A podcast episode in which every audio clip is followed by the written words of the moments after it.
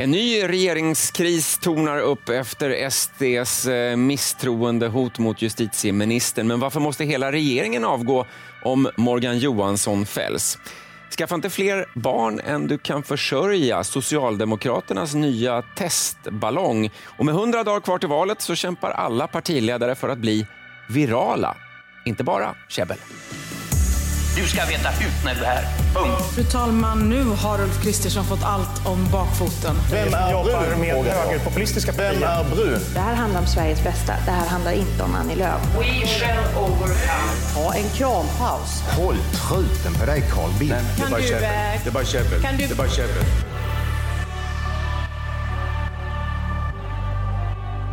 Ja, en vecka med färre krampauser och kanske mer käbbel får vi konstatera. Välkomna till Politiken i TV4.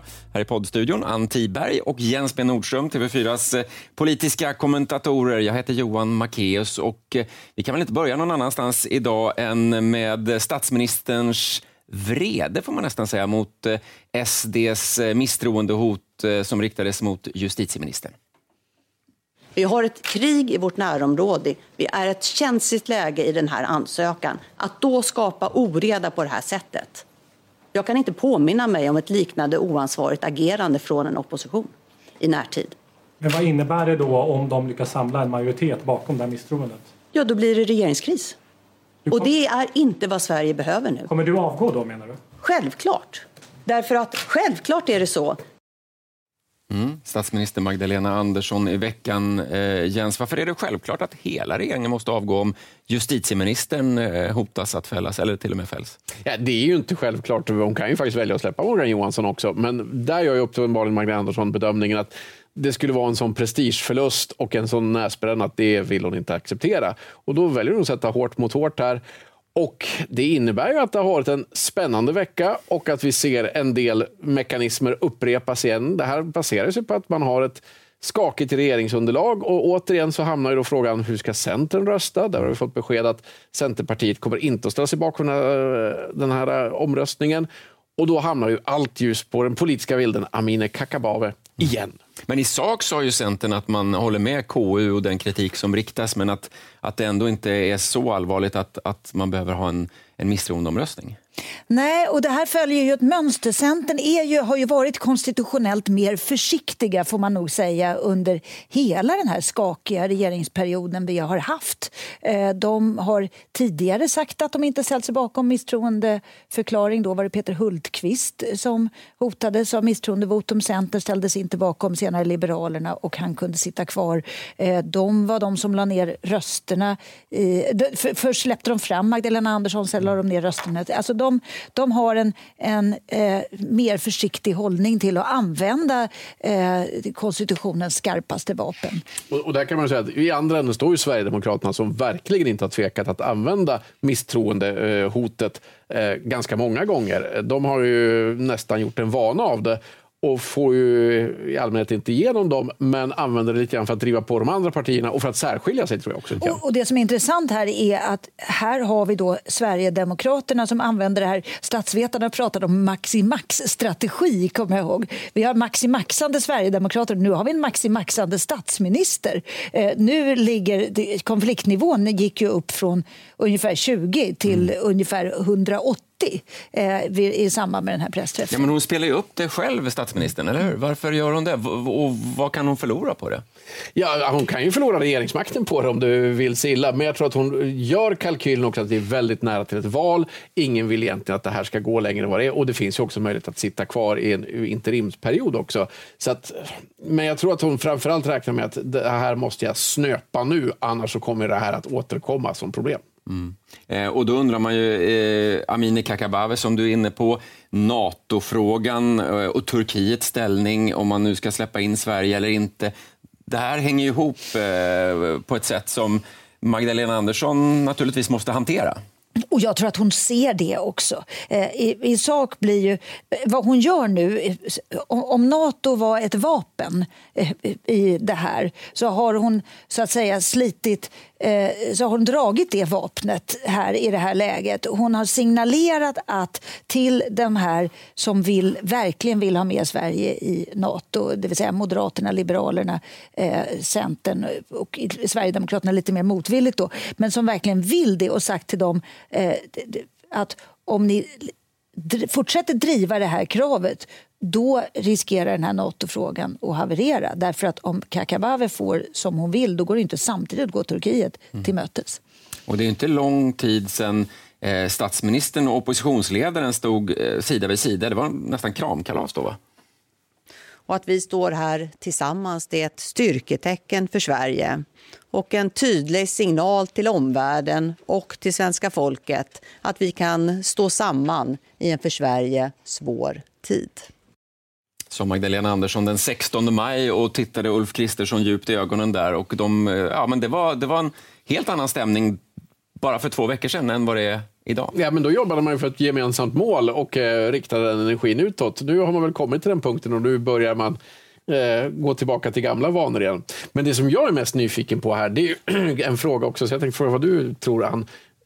Pratade Sverigedemokraterna ihop sig med Moderaterna och Kristdemokraterna inför det här? Ja, det är en bra fråga. Det är väl inte omöjligt att de gjorde det. De har ju ett sånt klimat numera i riksdagen. Och om du lyssnade på... Det som var intressant som hände igår var ju att först hade det som hände på torsdagen, ska vi mm. säga, för lyssnare som eventuellt lyssnar på det här en annan dag än fredag, det var att först hade vi ett KU-betänkande där Morgan Johansson får hård kritik från ganska många håll. Vänsterpartiet var stenhårda i sin kritik mot Morgan Johansson på den pressträffen. Och det handlade då om att han vid två tillfällen har farit med osanning när han har talat med riksdagen. Och det gillar inte riksdagen.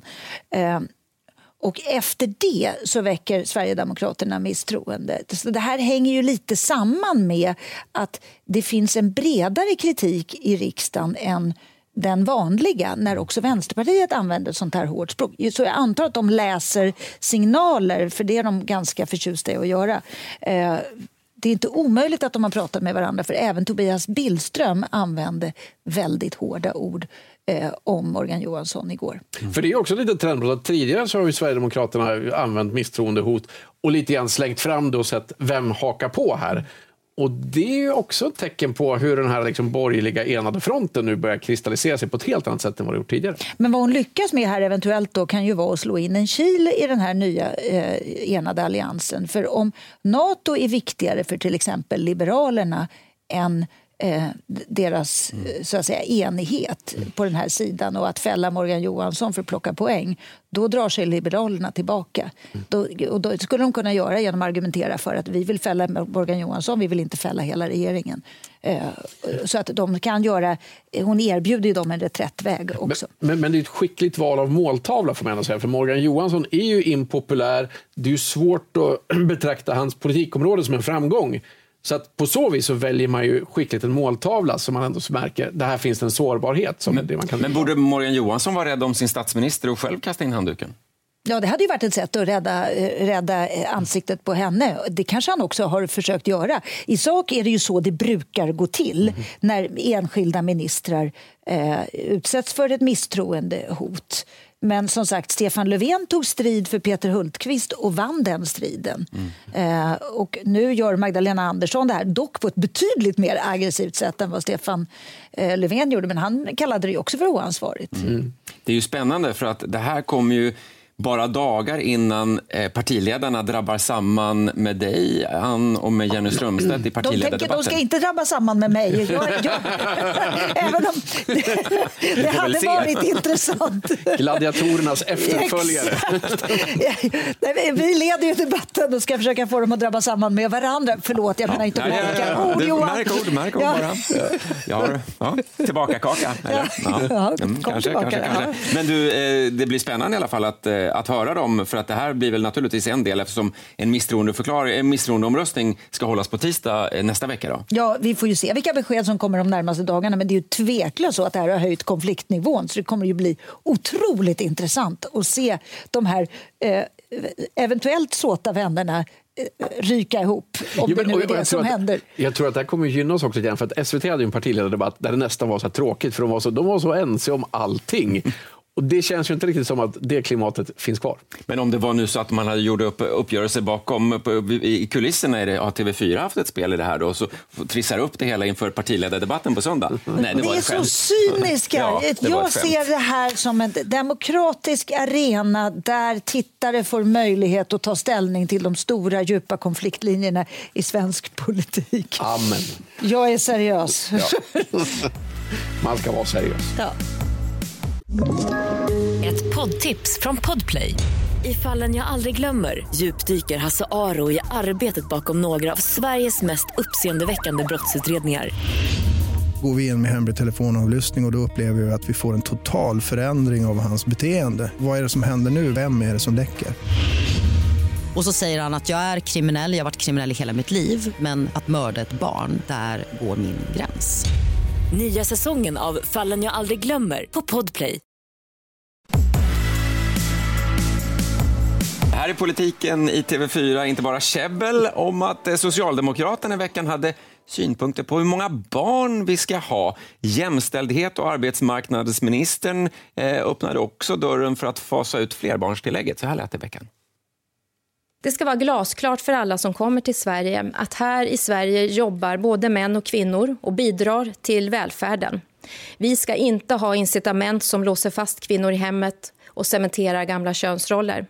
Man ska arbeta och försörja sig själv. Man ska inte skaffa fler barn än man kan försörja och man ska vara goda förebilder. Så Eva Nordmark, arbetsmarknads och jämställdhetsminister i veckan. Ann. Ja, och där åkte Alvan Myrdal rakt ner i papperskorgen. Eh, det här är ju otroligt intressant att höra eh, hur en socialdemokratisk arbetsmarknadsminister uttrycker sig på det här sättet. Och i, I sak så kanske det hade, Alva Myrdal hade uppskattat det därför att hennes idé eh, var ju så att säga den sociala ingenjörskonsten. Eh, och det var hon och Gunnar Myrdal som skrev den berömda boken på 30-talet som heter Kris i befolkningsfrågan där de först lyfter idén om barnbidrag eh, som sen leder fram till att det införs. Och det här barnbidraget, idén med det var ju att få fler att skaffa barn.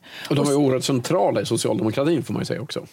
Absolut, de var enormt viktiga personer. Och Sen har det här då under åren byggts ut och det har blivit flerbarnstillägg. Föräldraförsäkringen ses ju också som någonting som har gjort att Sverige under en period hade det högsta barnafödandet per kvinna i Västeuropa. Det var enormt framgångsrikt. Man kallar det för nativitetspolitik. Och nu eh, har man då, eh, vill man då gå åt precis andra hållet och hon har ju luftat idén att att eh, slopa fler, eller dra ner, reformera flerbarnstillägget eh, vilket då skulle eh, göra att kvinnor föder färre barn istället. Och då tänker man ju, eh, för här eh, säger hon ju väl egentligen att har du råd så kan du skaffa hur många barn som helst, men har du inte råd, ja då tänk då på situationen. Nej, men det är ju väldigt tydlig en önskan om någon slags social ingenjörskonst fast åt andra hållet. Men man riktar också udden väldigt tydligt mot utrikes födda. Att det är väldigt mycket det som tas upp här. Och det tror jag är lite grann testballong också. Att eh, Socialdemokraterna har inte låtit på det här sättet alls tidigare. Och det tror jag har att göra med lite grann att ja, men om vi tittar fem, sex år tillbaka i tiden, då handlar det ju väldigt mycket i politiken om att orientera sig utifrån Sverigedemokraterna. Att det fanns en väldig då att det Sverigedemokraterna är för, det måste vi per definition vara emot och tvärtom. Och det börjar släppa lite grann här nu och nu kan man testa lite frågor som man kanske inte har varit på tidigare på det sättet. Ja, för nu går man väl nästan högerns ärende här, eller? Ja, alltså det låter ju ganska annorlunda i alla fall kan man konstatera. Och när man tar upp en, en del av de här förslagen, till exempel om språktester, så är det ju ett tonläge som man inte alls haft tidigare. Och jag tänkte vi kan ta och lyssna. Vi har jämfört lite med när Folkpartiet, som de hette en gång i tiden, lanserade språktester och fick ett enormt mothugg bland från just Socialdemokraterna som tyckte att det här var mycket olämpligt. Vi kan, vi kan lyssna på hur Mona Sahlin lät då. Man hamnar snett om man går på det som närmast är Sverigedemokratiska förslag om språkkrav i medborgarskapet. Det, det gör mig besviken på Folkpartiet. Varför reagerar du så hårt på det? Alltså att om svenskan ska vara ett levande språk, för självklart måste alla som lever i Sverige kunna prata svenska för att delta i samhällslivet. Men då måste man ha jobb, man måste slippa bli diskriminerad, man måste ha grannar, vänner som talar svenska. Det är så man lär sig. Så dåvarande integrationsminister Mona Sahlin, året var 2002. Ja, och då är det ju just att då var språktester ett sverigedemokratiskt förslag och djupt olämpligt. Nu håller man på att testa och ser att ja, kanske det här är eh, mycket mer okej okay än vad vi tidigare har tyckt. Det här med testballonger, hur funkar det? Du är ju bra på manualer. Är det här en bra testballong eller Ja. finns det en annan manual för... Ja, manualen för testballonger är att om du vill testa ett nytt förslag så eh, lägger du det på en politisk nivå så att den högre politisk nivån kan ta avstånd från det om det inte funkar. Så att en partiledare ska aldrig, eller statsminister ska aldrig vara den som skickar ut testballongen utan det måste ligga på nivån under eller ännu lägre ner och sen kan då, eh, beroende på hur det där landade, så kan man sen ta och flytta upp det. Och med 100 dagar kvar till valet, då, flyger den här testballongen eller vad säger ni? Socialdemokraterna väl, tror jag tycker det i alla fall. För att de, har ju, de testade det här först, vi plockade upp det och sen så har de upprepat det flera gånger och kommit tillbaka till det här. Så uppenbarligen så tycker de att ja, men det var inte så negativa reaktioner första vändan, då fortsätter vi nog på det här spåret. Men lite grann så undrar man ju hur diskussionen gick i regeringskansliet när man bestämde vem ska skicka ut testballongen. Eh, för, och att det här landade i Eva Nordmarks knä, det kanske inte är helt onaturligt med tanke på hennes ansvarsområde. Hon är Men, arbetsmarknadsminister. men lite grann så känner man lite grann så här också, jag, jag ser framför mig ett visst skrapande med foten och ja, jag ska ju tvätta håret den dagen så jag kan inte. Och det- Tandläkaren ringde här, jag måste laga en det, det, är ju, det är otacksamt att vara den med testballongen. Men, men det finns också en, en allvarlig eh, sak i just det här med de utrikesfödda kvinnorna som jag tycker är rätt intressant. För att eh, Det visar sig ju att eh, politiken har så att säga inte eh, Eh, Den har, har varit riktad åt ett sånt håll att det har inte lönat sig så mycket för den gruppen att gå ut i arbete. Och arbetslösheten är mycket, mycket högre i den gruppen. Så det finns ju ett reellt problem här som eh, man kanske behöver... Politiken borde i alla fall vara riktad åt ett sånt håll att det så att säga, gynnar eh, dem att börja arbeta. Eh, sen kan man ju diskutera hur man uttrycker sig. Nej, men, och, det är intressant för att när, när man gör en omsvängning så innebär det också att Socialdemokraterna till viss del måste ta avstånd från en politik de själva har fört. Och helt plötsligt säga så här, Nej, men det här flerbarnstillägget det har ju kanske inte lett till de effekter vi trodde eller önskade. Och jag tror att man känner en sårbarhet här också, att det här kommer att bli en fråga i valrörelsen, vi är sårbara här. Då är det bättre att liksom backa hem och vara lite självkritisk och kanske lägga ut lite nya förslag och testballonger för att desarmera den situationen. Men det innebär ju då att man måste ta avstånd från det man var tidigare. Och här skiljer väl sig Sverige en del mot eh, andra länder, just vilka krav och... och... Ja, vi har ju haft en, en eh, politik i Sverige som, som den här integrationspolitiken har i, i många år, faktiskt sedan 70-talet, eh, om man ska vara väldigt sådär, gå långt tillbaka, handlat om att eh, den som kommer hit eh, och är nyanländ och får uppehållstillstånd eh, ska kunna behålla sin kultur. Det viktiga är... Eh, och, och det har inte funnits några krav på språk. Det har faktiskt inte funnits några krav alls. Medan andra länder har haft språkkrav. Man ska kanske svära en ed för att bli medborgare eller man ska eh, göra något prov för att bli medborgare eller för att ens få uppehållstillstånd i vissa fall. Och nu håller det här på att förändras. Och det intressanta är att det finns en utredning då som föreslår eh, språkkrav för medborgarskap.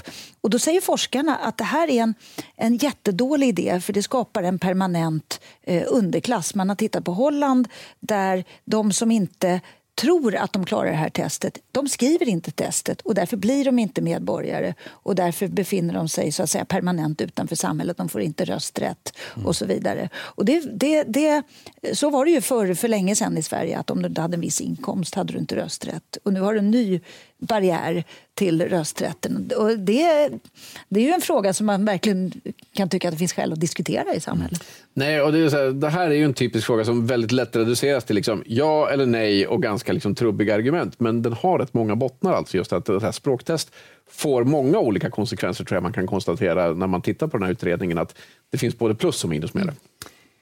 Det är just idag när vi spelar in den här podden 100 dagar kvar till valet i höst, riksdagsvalet. Och Eh, just idag har Rysslands krig i Ukraina också pågått i exakt 100 dagar. Ett allvarligt säkerhetsläge som tar stort politiskt fokus här i Sverige, nästan allt politiskt fokus. Hur gör man då så här i en valrörelse för att eh, nå igenom bruset? Jo, man tar hjälp av influencers. Jens. Nej, men så är det. Jag, tror att, eh, jag har tittat jag är lite förtjust i våra parti, partiledares sociala medier. Och de drömmer ju alla om att bli virala, att liksom få till det här liksom lite privata men samtidigt liksom klippet som ska säga någonting om dem. Och där eh, märker man att det finns lite trender. Att om man ska titta på manliga partiledare, de gillar öl, tror jag vi kan konstatera. Vi kan titta och lyssna lite grann. Trevlig fredagkväll alla. Jag tar det lite lugnt så här inför valborg och en hård arbetsvecka. Var rädda om er. Skål! Skål, Viktor.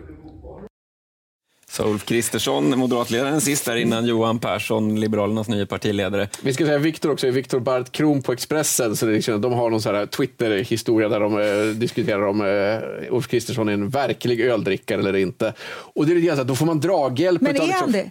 Ja, Ulf Kristersson hävdar ju det och eh, Viktor Baltkron har sagt att jag är inte övertygad. Men då får man den här draghjälpen också med en annan person med många följare på Twitter. Som liksom då så här, och nu har det här liksom eskalerat. Och Johan Persson som vi hörde där i början, han kom in och liksom ville också visa att jag är också en riktig öldrickare. Men vad är ens en riktig öl? Ja, det är en jättebra fråga. Men jag att det här är ju politiker som, ni vet den här vignetten som det är Aftonbladet, någon av Aftonbladet-bilagorna har den här rubriken, de är som oss. Det här är politiker ah. som vill visa, jag är ganska folklig och eh, en eh, ganska normal kille eller tjej egentligen. För att det är ju så att även om det är flera manliga partiledare som har liksom hakat på den där öltrenden så finns det lite andra saker också. Man kan ju då ägna sig åt köket. Det är det flera partiledare som gör också och göra olika former av mat och dryck där. Och vi kan ta och lyssna och kolla på det lite grann. Det blev ju lite eh, kött över. Så jag tänker att eh, röra ihop en liten eh, gulasch eller motsvarande. Någon slags gulasch blir det. Lite vin. Mer så.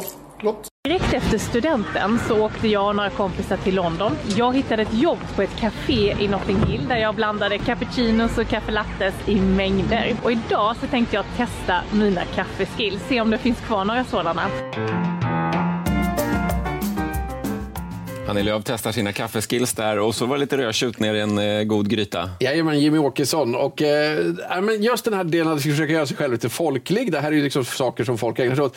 Eh, Jimmy Åkesson visar ju väldigt tydligt upp etiketten på den här vinflaskan. Och vi, mm. Jag kunde inte hålla mig så jag var snabbt tvungen att kolla så här. Vad lägger man sig på för prisklass i det här? En hundring va? Ja, lite mer. 117 kronor är det här vinkostnaden. Men det är så här, så här, det, jag tror det här är the sweet spot också. Liksom, att är det mer, ja då blir det lite snobbigt. Då är man, liksom så här, då är man inte så folklig. Är det billigare, ja men då är man inte så uh, ja. sofistikerad. Man får ju hoppas att liksom, han tar lite i glaset och inte heller allt ja, nej, Men det är ju liksom lite så att återigen så, liksom, så försöker man hitta någonting. Och många av de här driver är väldigt medvetet att de har ju förmodligen någon form av genuint intresse här också. Att det är så här, Ebba Busch har till exempel gjort väldigt mycket på jakt som är ett nyfunnet intresse. Ulf Kristersson har också plockat upp det lite grann. Och, och då driver de det ganska hårt också. Att, att det här är lite grann som en sitcom, att liksom varje karaktär måste ha sin gimmick. Att, ja, ja, det är han med den roliga hatten eller det är han med liksom ankan som alltid är med eller någonting sånt där. Och där tror jag att framförallt Emma Busch har varit väldigt framgångsrik i den här jaktgrejen. Eh, en som fortfarande söker lite grann är Magdalena Andersson. Jag själv känner sympati för att mitt Instagram är oerhört splittrat. Det finns ingen tydlig trend där. Så att det är sådär, jag har inga synpunkter på det här. Men man märker att hon hittar liksom inte riktigt sin grej. Men jag har hittat en sak som hon gillar i alla fall. Och vi ska lyssna på vad det är för någonting. Jag vill önska alla en riktigt härlig midsommar, även om det såklart blir ett annorlunda firande i år. Lite på avstånd, men ändå väldigt festligt. Jag vill passa på att önska alla en riktigt glad påsk och hoppas att ni också får möjlighet att njuta av den härliga svenska naturen och det fantastiska vårvädret. Jag vill passa på att önska alla en riktigt härlig midsommar. För mig är det här en av årets allra bästa dagar. Man får umgås med familj och vänner, man får ha på sig folkdräkt och dansa kring midsommarstången och äta jordgubbstårta såklart. Ja, Magda ja. Andersson hon gillar att önska god helg i olika ja, sammanhang. Jag kan säga här, en gemensam nämnare var att hon kunde behöva tips om hur man får ljus på ansiktet när man eh, filmar sig själv. är lite svajigt också. ja. Men det här med att bli viral, då, är det en ny, ny företeelse eller har politiker i alla tider velat nå igenom bruset, Anna? Det är inte nytt. Och jag kommer dragande med valrörelsen 2010 när Göran Hägglund som är Eh, alla tycker kanske var den roligaste partiledare vi har haft. Ehm, lanserade en egen app som hette Göran säger som man skulle kunna klicka på för att få se autentiska klipp på honom. Och ett av dem var det här. Jag bara... What the fuck is going on, dude? Och det blev viralt! Det var mina barn som visade mig det. What the, dude, what the fuck is going on, sa Göran Hägglund där, om ni inte hörde. Men jag, jag, en sak som jag bara tänker på. Om man ser eh, idrottsstjärnor eller eh, andra artister till exempel som försöker få någon form av atletposition. Eh, man är ouppnåelig, eh, inte folklig, inte så att alla kan skaka hand. Utan om man får träffa de här personerna så är det oerhört ärofyllt. Så den vägen går inte våra politiker. Är, måste man vara folklig för att, för att lyckas som politiker? Ja, i Sverige måste man det. Det, är, det, det klassiska är Tage Erlander som inte blev folklig förrän han drog ett obegripligt skämt i tv. Uh, det, det, man måste det. Ja. Jag, jag, jag, är inte säker på det. Jag, jag, tror att man skulle kunna komma undan med så här, den här lite så här, Carl Bildt blev ju folklig genom att ibland kanske vara nästan liksom lite världsfrånvänd. Liksom, visste inte vem Foppa var. Men det var exempel, folkligt det också. Men, liksom, men det fanns en folklighet kanske i det också, att, att liksom vara lite världsfrånvänd och inte följa med alls i vissa frågor som inte intresserade honom. Men, men jag tror ändå så att man brukar ibland liksom säga att politiker, nidbilden är liksom så här, den här bebiskyssande politiker som liksom, liksom Och det här är väl kanske en förlängning av det, att man liksom vill knyta an till väljarkretsen. Och det hittar man ju olika sätt. Men sen så tror jag att den här liksom upphöjdheten, det är lite grann så att det kan man, när man har blivit vald, då går man det spåret. Men, men poängen är så här, man eh, kan inte vara snobbig. Eh, man får inte vara snobbig och man får inte verka ha för mycket pengar. Eh, även om man råkar ha det.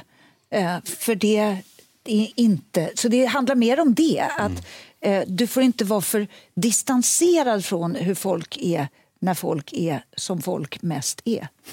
Ja. nu, jo, huvudet exploderade precis. Säger våra två ouppnåeligt eh, upphöjda, kompetenta eh, kommentatorer Ann Tiberg och Jens eh, B Nordström. Eh, väldigt, folkligt, väldigt folklig ton får vi säga i den här, det här poddavsnittet. Men väldigt trevligt Folkligt, att ha er. festligt, fullsatt. Det är så vi jobbar. Så jobbar vi. Tack för att ni lyssnade och tittade. Vi finns på TV4 Play om ni vill se oss eller så hör ni oss där poddar finns. tack för idag. Tack för idag. Podplay. Ett poddtips från Podplay.